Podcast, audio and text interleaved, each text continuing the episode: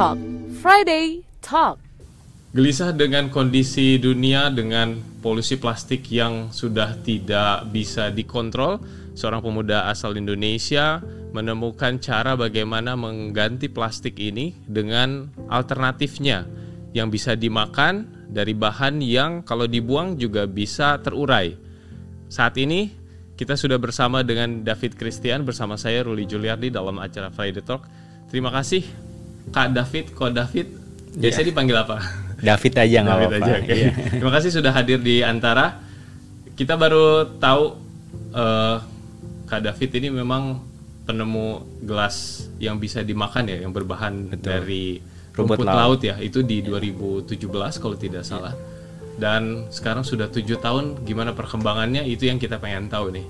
Yang jadi pertanyaan nih, Kak David dulu punya basic apa sehingga bisa nemuin ini? Jadi dulu itu sebenarnya aku nggak punya basic apa-apa ya. Jadi eh, SMA aja sebenarnya dulu nggak lulus gitu. Terus habis itu eh, sempet eh, tinggal di Kanada. Waktu itu ngambil kayak community college gitu di perdagangan internasional. Tapi itu juga kayak nggak beres juga sekolahnya gitu. Jadi eh, nggak ada background apa-apa sebenarnya. Sama sekali. Sama sekali, sama sekali. Lingkungan, paham lingkungan atau Paham lingkungan juga enggak, karena kan dulu kan sekolah eh, pas tinggal di Kanada 4 tahun tuh dari tahun 2011 sampai 2015 itu kan baru pulang itu nggak pernah pulang sama sekali sebelumnya 4 tahun. Jadi pas sampai Indonesia habis itu Jakarta ber- berasa banget tuh polusinya kan, polusi udara, terus eh, lingkungannya juga eh, melihat sampah ada banyak juga di mana-mana gitu kan. Nah dari situ tuh baru sadar nih mengenai isu lingkungan mengenai ke eh, kalau lingkungan kita tuh udah mulai rusak juga gitu kan. Nah dari situ juga sebenarnya awalnya baca-baca juga di internet gitu kan, baca-baca di internet dan baru tahu juga kalau ternyata eh, sampah plastik itu itu yang itu bisa terurai itu it- sampah plastik justru nggak bisa terurai. Oh, Ter- bisa sampai ratusan tahun bisa sampai ribuan tahun. Jadi semua plastik yang ada di bumi sejak pertama kali diciptain itu masih ada sampai sekarang gitu kan. Terus habis itu kalau eh, baru tahu juga kalau plastik itu mempengaruhi kehidupan kita sehari-hari ya dari eh, udah masuk ke makanan kita, ke minuman kita, bahkan di tubuh kita itu eh, ada plastiknya juga udah ditemuin di darah kita di ASI dan lain sebagainya. Itu juga baru tahu. Nah, dari situlah baru eh, mulai aware dan peduli terhadap eh, isu ini. Terus habis itu berpikiran pengen bikin satu produk yang memang eh, bisa menjadi alternatif dan juga produknya tuh waktu itu eh, aku mikir tuh produknya harus unik dan belum pernah ada sebelumnya di Indonesia gitu nah akhirnya kepikiran lah pengen bikin gelas yang bisa dimakan itu gitu 2015 akhir baru kepikiran 2015 2015 akhir kepikiran launching atau ke Heeh. publiknya tuh tahun April 2016 itu kan hitungannya cuma 5 4 bulan. Iya, Bisa cepet iya. gitu. Iya, jadi eh, sebenarnya simple juga eh, cara berpik- eh, cara berpikirnya ya waktu itu ya. Jadi sesimpel tuh waktu itu eh, cuman mikir kayak simple apa yang bisa gampang dibentuk gitu kan. Habis itu kepikiran jelly. Nah, jelly itu jadi eh, oke coba pakai jelly biasa, tinggal bikin kan cetakannya. Nah cetakannya itu terus ternyata kan nggak bisa juga karena terlalu lembek gitu kan. Nah habis itu ya baru belajar lagi di internet gitu kan karena kita sekarang memang ada di era yang informasi semuanya ada Itu asli di semuanya internet. cuma di internet. Di internet iya. Test and trial gitu internet. Iya internet habis itu dari situ eh, pe- cari tahu jelly itu bahan dasarnya itu apa aja gitu kan. Ternyata ada gelatin. Gelatin itu terbuat dari tulang hewan. Tapi tulang hewan pun kan nggak eh, ada yang nggak halal. Plus habis itu eh, nggak ses- nggak ramah lingkungan juga. Jadi eh, baca-baca lagi di internet ternyata ada eh, alternatif pengganti gelatin juga yang terbuat dari rumput laut. Nah dari situlah baru tahu kalau ternyata pelajarin eh, rumput laut itu juga eh, Indonesia tuh penghasil rumput laut terbesar di dunia gitu. Dan eh, cara nanamnya semuanya juga ramah lingkungan. Jadi waktu itu baru mulai tertarik ke situ meng- meng- untuk menggunakan rumput laut ini sebagai pengganti itu kan. Dan storynya pun dapat juga. Nah dari situ ya baru coba-coba terus habis itu telepon-telepon supplier nanya-nanya ke mereka trial error eh, tes bareng gitu untuk kan sampai akhirnya bisa eh, bikin eh, produk itu gitu gelas ini Sebagai CEO Evoware ya sekarang ya posisinya ya. Nah kan produk pertama itu gelas yang bisa dimakan, terus langsung beralih ke yang lain. Tuh, packaging. Packaging. iya. Ada patennya dulu nggak sih pas dua- di 2017 2016 itu sudah diurus nggak sih? Karena kan ini kan enggak sih. Jadi kita dari awal memang nggak urus eh, paten itu ya. Karena em, menurutku uh, produknya belum sempurna dan masih bisa uh, banyak improvement dan belum bisa di skala produksi yang massal juga. Jadi memang kayak, kayak kita kepikirannya sesimpel waktu itu uh, adalah justru gelas ini nanti semua orang bisa bikin di rumah mereka masing-masing. Jadi kita tinggal sebarin kayak powdernya, bubuknya sama jual cetakannya nanti siapa pun yang mau bikin bisa bikin. Oh justru gitu. di awal tuh uh, seperti itu.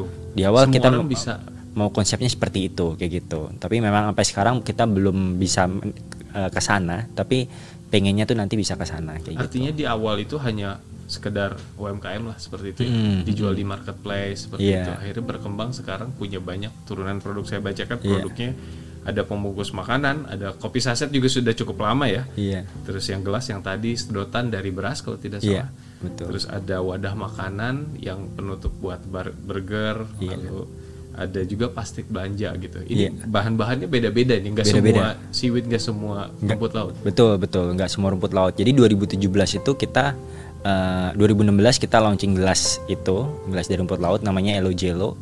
Itu yang bisa dimakan. Terus 2017 itu kita launching pack uh, packaging yang terbuat dari rumput laut juga. Nah itu yang bisa dipakai macam-macam tuh buat bungkus burger atau buat kopi saset atau saset-saset lainnya gitu. Jadi kegunaannya memang sebagai flexible packaging. Dan itu uh, kita bekerja sama dengan uh, scientist juga. Dia yang menemukan uh, si packaging dari rumput laut itu. Kayak gitu. Nah 2019 akhirnya kita berpikir kita harus uh, diversify products kita.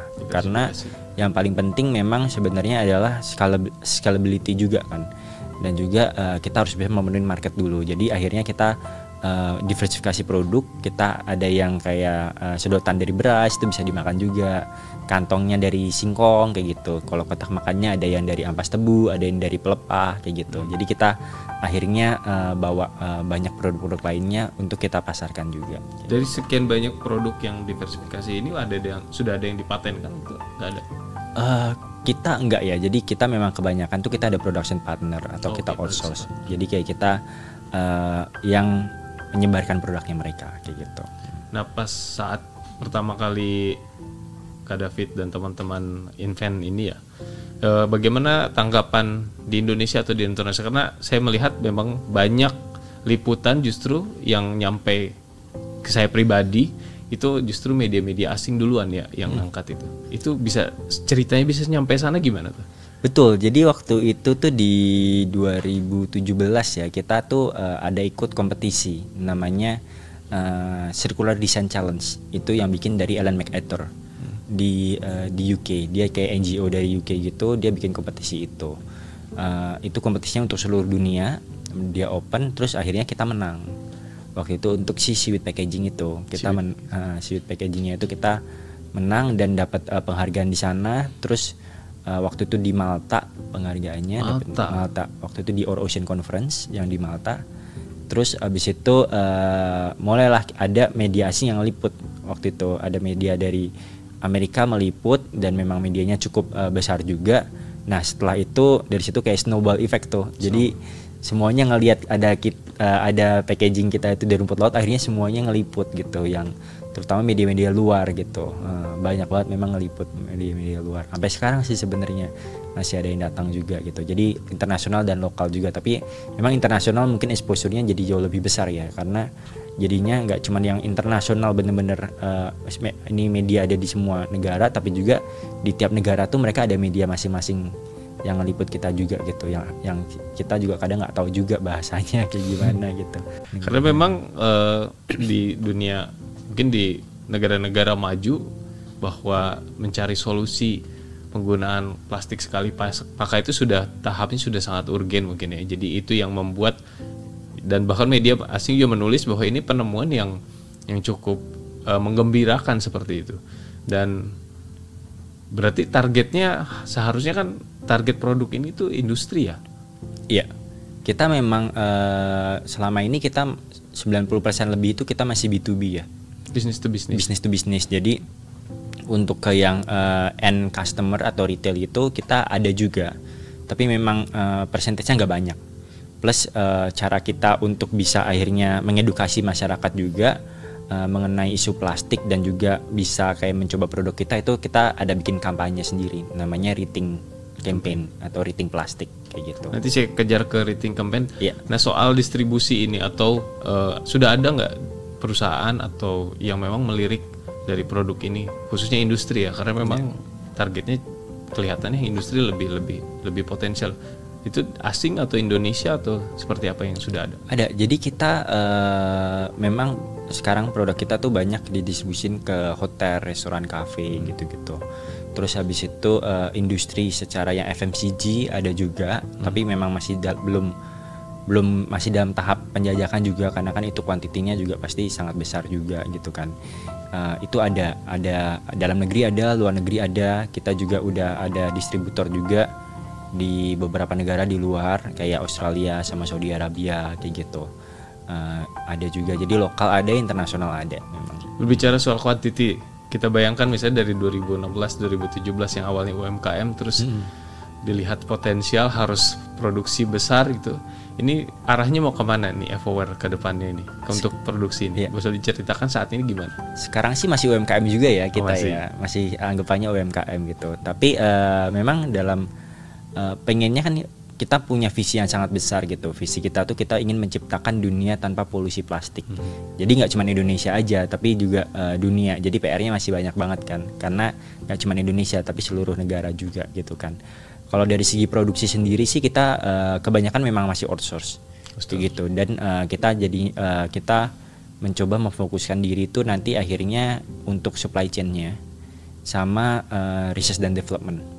Kayak gitu. Nah untuk eh, produksinya sendiri eh, ketika kita bisa berpartner kita berpikir kita bisa membuka opportunity bis- bisnis lain juga gitu. Untuk eh, untuk orang lain juga. Jadi eh, kita bisa berkolaborasi juga kayak gitu karena memang di perusahaan kita kita value kita tuh adalah innovation, sustainability and collaborations. Jadi kolaborasi itu menurut kita itu penting banget untuk kita bisa menciptakan dunia tanpa polusi plastik karena kita bukan Superman ya dan kita gak akan bisa ngelakuin semuanya itu sendiri gitu jadi kolaborasi itu jadi satu kunci yang penting banget buat kita memang Ada sisi untuk bisnis, ada sisi untuk kampanye lingkungan. Yang kalau kita lihat rating campaign tadi David juga menyebutkan itu. Boleh dijelaskan apa sih sebenarnya rating campaign itu? Iya, jadi itu eh, sebenarnya kita bikin kampanye itu untuk meningkatkan awareness eh, atau kesadaran masyarakat mengenai isu plastik. Jadi eh, namanya kampanye nama kampanye itu rating plastik. Rating plastik. Kenapa rating? Karena kita eh, menurut kita tuh yang paling penting kan sekarang kayak ada reduce, reuse, recycle, repair, habis itu replace dan lain sebagainya. Yang RR itu yang banyak banget itu kan. Cuman menurutku sebelum kita melakukan itu semua tuh kita harus berpikir ulang dulu. Karena harus dari dalam diri kita sendiri kan. Kalau kita eh, dari luar tuh kayak biasanya nggak masuk. Jadi kayak misalnya sesimpel sedotan misalnya. Kita ngomongin sedotan. Eh, kenapa kita harus pakai sedotan kalau kita pikir ulang lagi padahal gelas itu dibikin supaya kita bisa di- gelas itu didesain supaya kita bisa minum langsung dari gelasnya tapi kita minumnya pakai sedotan. Berarti kan udah defeat the purpose of the design kan. Jadi eh, ternyata sedotan itu dibikin buat orang sakit. Kayak gitu. Atau misalnya kalau pakai lipstick atau apa jadi biar nggak eh, belepotan gitu kan. Awal ceritanya dulu seperti iya itu. seperti itu. Tapi awalnya tuh memang untuk orang sakit Ya. sebenarnya kan. Jadi mereka bisa nggak nggak bisa minum gini kan. Jadi harus pakai sedotan. Tapi sekarang orang sehat pun minumnya pakai sedotan. Kayak gitu kan. Ketergantungan jadinya kan. Merasa harus. Jadi kayak kita oke berarti kita jangan pakai sedotan dong. Berarti kan udah mengurangi tuh. Kalau misalnya pun memang perlu pakai sedotan pakai sedotannya bisa yang digunakan ulang atau bisa yang eh, ramah lingkungan seperti produk kita yang sedotan dari beras itu. Jadi ada ada alternatifnya kayak gitu kan. Ja- baru kita masuk ke yang reuse atau replace gitu. Terus habis itu kalau misalnya nggak ada alternatif lain deh mesti pakai plastik. Oke ya udah pakai plastik tapi jangan dibuang sembarangan. Harus di recycle kayak gitu. Nah jadi tahapannya itu ada di situ. Tapi dari awal tuh kita berpikir ulang dulu. Nah makanya dari situ eh, kita bikin kampanye itu untuk ngajak orang berpikir ulang. Kita awalnya bikin eh, 2019 itu banyak bikin acara-acara kayak drama musikal atau bis clean up atau kita waktu itu di Malaysia kita bikin vlogging run. Jadi jogging sambil mengutin sampah. Kita bikin paling besar di Malaysia waktu itu tahun 2019 tapi akhirnya pandemik kita nggak bisa bikin acara-acara kayak gitu lagi kita masuknya ke program kayak gitu jadi eh, program-programnya salah satunya tuh kita ada bikin namanya kesan atau kresek kesadaran di mana pas covid itu kesan kresek Kesan. kesadaran Iya, oke harus kresek relate kesadaran. sama plastik plastikan ya Bener. Nah, jadi Oh. itu si kresek kesadaran ini de- orang bisa beli, terus mereka bisa ngumpulin sampah maskernya mereka. Di mana kita juga kolaborasi dengan waste management namanya Parompong. Itu eh, kita kumpulin sampahnya, masukin ke kantong eh, kita yang terbuat dari singkong itu, dan nanti di mesin eh, itu bisa di recycle. Nah di mesinnya itu karena pandemi kan sel- misalnya sel- selama ini kita ngumpulin sampah tuh pakai kantong plastik biasa kan. Tapi kalau pakai kantong plastik biasa tuh harus diambilin lagi tuh terus dimasukin ke mesin. Jadi ada potensi untuk menyebarkan virus corona ini. Tapi dengan kantong kita udah di seal itu nggak perlu dibuka lagi. Itu kita bisa langsung masukin ke mesinnya dan bisa dibikin di recycle untuk dibikin produk-produk seperti meja, kursi, pot bunga dan lain sebagainya. itu Kayak yang gitu. plastik yang itu plastik yang terbuat dari apa ya Dari singkong. yang dari singkong jadi memang itu bisa berapa tahun tuh eh, terurainya Eh, enam bulan biasanya. oh enam bulan lebih cepat bulan. Mm-mm. Cuman karena memang eh, dimasukin ke mesin jadinya langsung lebur sama langsung ini. lebur ya. Iya. nah. katanya ada kampanye yang lebih praktikal juga ya kolaborasi sama komunitas seperti itu Iya, seperti jadi apa tuh kita ada kampanye juga namanya Warung Lestari. Hmm. Itu eh, kita lihat permasalahannya. Baik lagi kita berpikir ulang lagi nih. Kita lihat permasalahannya itu karena selama ini industri yang ramah lingkungan itu seperti kita produk-produknya itu masih mahal dan juga eh, targetnya menengah menengah ke atas. Begitu juga dengan regulasi pemerintah. Kita lihat itu masih banyak yang diatur tuh lebih kayak ke eh, mall, supermarket atau enggak kayak restoran-restoran gitu kan. Eh, susah untuk masuk ke kalangan yang lebih eh, luas lagi kayak gitu kan. Nah kita lihat per- permasalahan itu. Jadi kita bikin program nama- namanya Warung Lestari, di mana target kita tuh warung. Kita bikin program sama mereka tuh 6 bulan minimal satu warung itu. Yang pertama kita mau edukasi mereka dulu menge- mengenai eh, behavior, mengenai lingkungan dan juga kita ingin mengubah habitnya mereka dulu. Jadi kita start dari produk yang paling kecil sedotan. Sesimpel kita ajarin mereka untuk nggak kasih sedotan kalau customernya nggak minta. Terus kalau customernya minta eh, dikasih sedotan yang dari beras, tapi harganya kita subsidi supaya semurah plastik. Jadi mereka nggak ada beban dulu di awal. Habis itu eh, dari pengurangan itu kan kayak tadinya mungkin mereka pakai sebulan 1000 sedotan bisa berkurang kan jadi 700 sedotan, 500 sedotan atau berapapun itu gitu. Jadi mereka ada ada uang yang mereka bisa save. Jadi mereka merasa untung kan. Terus habis itu kita ajarin mereka untuk melakukan waste management. Jadi pemilihan sampah nanti eh, dari pemilihan sampah itu kita bisa beli kayak gitu. Jadi mereka ada penghasilan tambahan.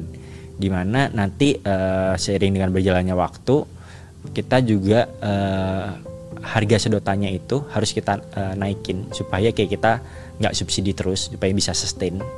Eh, nah itu eh, ujung-ujung harganya bakal normal tapi mereka bakal merasa kalau sebenarnya cost mereka untuk beli sedotan yang sebelumnya. Sama yang ini tuh mungkin bisa lebih murah kayak gitu. Atau enggak bisa sama aja karena ada source income yang lain dan juga udah mengurangi jumlah sedotan yang dipakai kayak gitu. Nah dari situ akhirnya ya kita eh, dari situ kita sekarang udah ada sekitar 100 warung lebih ya di Jakarta yang kita sedang jalankan untuk program warung lestari ini. Berarti ngejar kampanyenya lebih ke penyadar tahuan aware awareness, tapi juga ngejar ke, perilaku ya, ke Iya. habit itu. Iya. Itu kan butuh waktu yang nggak nggak sebentar ya. awareness habit kita sediain alternatifnya juga dan juga untuk uh, pemilahan sampahnya juga gitu jadi makanya satu warung itu minimal enam bulan kita programnya gitu jadi nggak cuma sebulan karena sebulan kan pasti nggak nggak kena gitu jadi minimal enam bulan jadi warung lestari ini kita bikin uh, supaya nggak cuma kita doang juga yang uh, yang menjalankan ini tapi juga kolaborasi balik lagi. Jadi uh, kita ada education partner. Uh, habis itu kita ada juga kita warung lestari ini kita buka buat orang bisa adopsi. Jadi se- secara individu atau uh, perusahaan CSR perusahaan mereka bisa support warung lestari mereka bisa mengadopsi warung. Jadi eh, jadi mereka tahu nih kayak misalnya ada yang mau adopsi 10 warung bisa ke kita Jadi Gitu. diajari Nah. atau ditransfer teknologinya atau pengetahuannya mungkin. lebih enggak situ. jadi kita yang menjalankan Oh tetap yang menjalankan. tapi apa mereka bisa kalau adopsi itu kan kayak biaya-biaya itu masuk kan misalnya adopsi eh, hewan peliharaan gitu kan Oh. kan biaya kan kita yang menanggung untuk kayak makannya mereka tempat tinggal apa segala macam nah eh, sama kayak ini juga gitu Jadi uh, itu kita uh, adopsi per warungnya itu di sekitar dua setengah juta rupiah itu itu untuk enam bulan. Jadi kita udah jalankan, kita nanti ada reportnya, sustainability reportnya tiap bulan. Kita kasih tahu warungnya di mana, uh, pemiliknya siapa dan lain sebagainya. Jadi bisa divisit juga nanti sama mereka gitu. Tantangan kampanye uh, anti penggunaan plastik sekali pakai ini mungkin bagi masyarakat kota yang kota-kota besar itu sudah mulai familiar, hmm. tapi bagi daerah itu mungkin masih belum terlalu familiar dan bahkan banyak orang yang bilang uh, terlalu niche, terlalu jauh dari kehidupan mereka. Tapi sebenarnya plastiknya ada di sekitar mereka yeah. gitu. Tantangan kampanye ini tuh selama dari 2016 itu sampai sekarang tuh di mana deadlocknya atau apa yang harus dilakukan sebenarnya buat uh, kita gitu pengguna yang memang sudah sangat hmm. ketergantungan dengan plastik itu. Memang edukasi ini uh, yang paling berat ya. Gak cuma dari perubahan perilaku kayak kampanye itu juga. Sesimpel kayak kita mau jualan produk kita aja itu udah edukasinya juga susah. Karena uh, istilahnya kayak kita pertama kali bikin gelas bisa dimakan. Orang nggak akan nyari gelas yang bisa dimakan kalau mereka nggak tahu ada gelas yang bisa dimakan hmm. gitu. Jadi kita harus kasih tahu dulu nih produk kita tuh eksis gitu kan. Itu aja udah tantangan yang sangat yeah. berat kayak gitu kan. Terus habis itu ngomong uh, ngomongin isu uh, lingkungan kayak gitu. Uh, permasalahan plastik. Itu juga edukasinya juga uh, susah gitu kan. Tapi memang ya yang harus dilakukan sebenarnya uh, konsisten aja. Kayak uh, kita harus uh, kasih tahu terus-terusan mm -hmm. orang mengenai isu plastik dan juga bahwa pengaruhnya tuh nggak cuman uh, buat kita sendiri aja nggak cuma lingkungan kita. Karena kadang kan orang mikir kayak ah lingkungan mereka nggak peduli soal lingkungan gitu kan. Pantai nggak pernah ke pantai kayak gitu kan. Jadi uh, cuman kayak enggak loh ternyata kayak uh, sampah plastik itu kayak kita buang sembarangan nyumbat saluran air jadi banjir. Yang kena banjir kita sendiri gitu kan. Habis itu kayak itu udah masuk ke air kita buang ke tanah masuk ke air tanah ke air minum kita jadi kita minum uh, air itu ada mikroplastiknya, di mana itu udah uh, ditemuin di tubuh kita juga semua manusia gitu kan. Jadi itu bisa ngaruh ke kesehatan, ya kan bisa uh, menyebabkan kanker dan penyakit-penyakit lainnya. Ketika mereka sadar itu kan mereka lebih aware ya, dan juga kayak mereka lebih kayak oke okay, berusaha mengurangi kayak gitu. Tapi ya memang harus dilakukan terus menerus gitu. Tantangannya sebenarnya merubah habit kan nggak gampang. Kayaknya untuk semua industri gitu kan Uh, jadi ya harus konsisten aja sih kita melakukan itu. Makanya rating campaign ini kita buat supaya kita juga bisa terus-terusan mengedukasi orang gitu, masyarakat mengenai isu ini juga gitu. Jadi konsistensi kalau menurutku. Kalau Kak David kan melihat melihat ini saat itu karena pulang dari Kanada melihat hmm. di Kanada cukup lumayan lama empat tahunan ya sekitar tinggal melihat Indonesia yang plastiknya sudah susah payah gitu bisa melihat ada kontrasnya di situ. Kan buat orang-orang yang mungkin tidak punya pembeda ya, di situ agak kesulitan ya untuk transfer atau untuk berbicara soal ini gitu. Hmm. Nah selama ini rating campaign gitu, kalau kolaborasi dengan siapa aja untuk kampanye plastik ini, untuk menyasar orang-orang yang memang uh, agak agak jauh gitu dari isu ini gitu, karena kan yeah. kalau industri atau kalangan menengah ke atas mungkin melihatnya sudah dapat informasi sudah cukup banyak ya. Benar.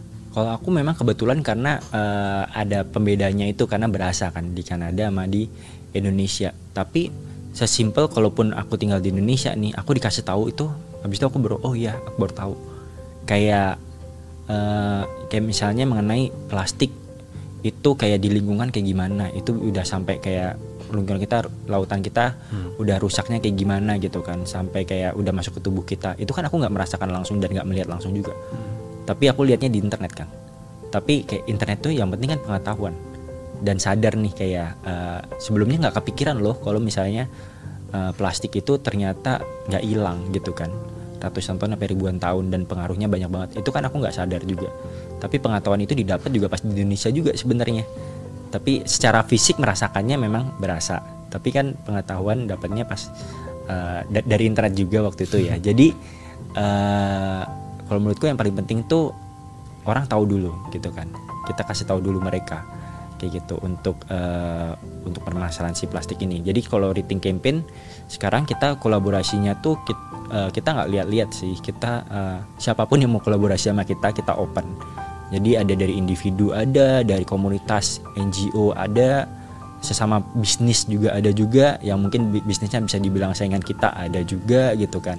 Bisnis besar kayak uh, perusahaan PLTU atau apa ada juga kayak gitu jadi uh, pemerintah uh, juga kayak dari dinas atau kayak dari uh, badan uh, pemerintah itu kita juga open juga jadi kita uh, banyak dan kita nggak uh, menutup untuk kayak oh kita cuma mau kolaborasi sama siapa gitu enggak kita open justru sebanyak banyaknya kita bisa sebarkan itu semakin bagus gitu.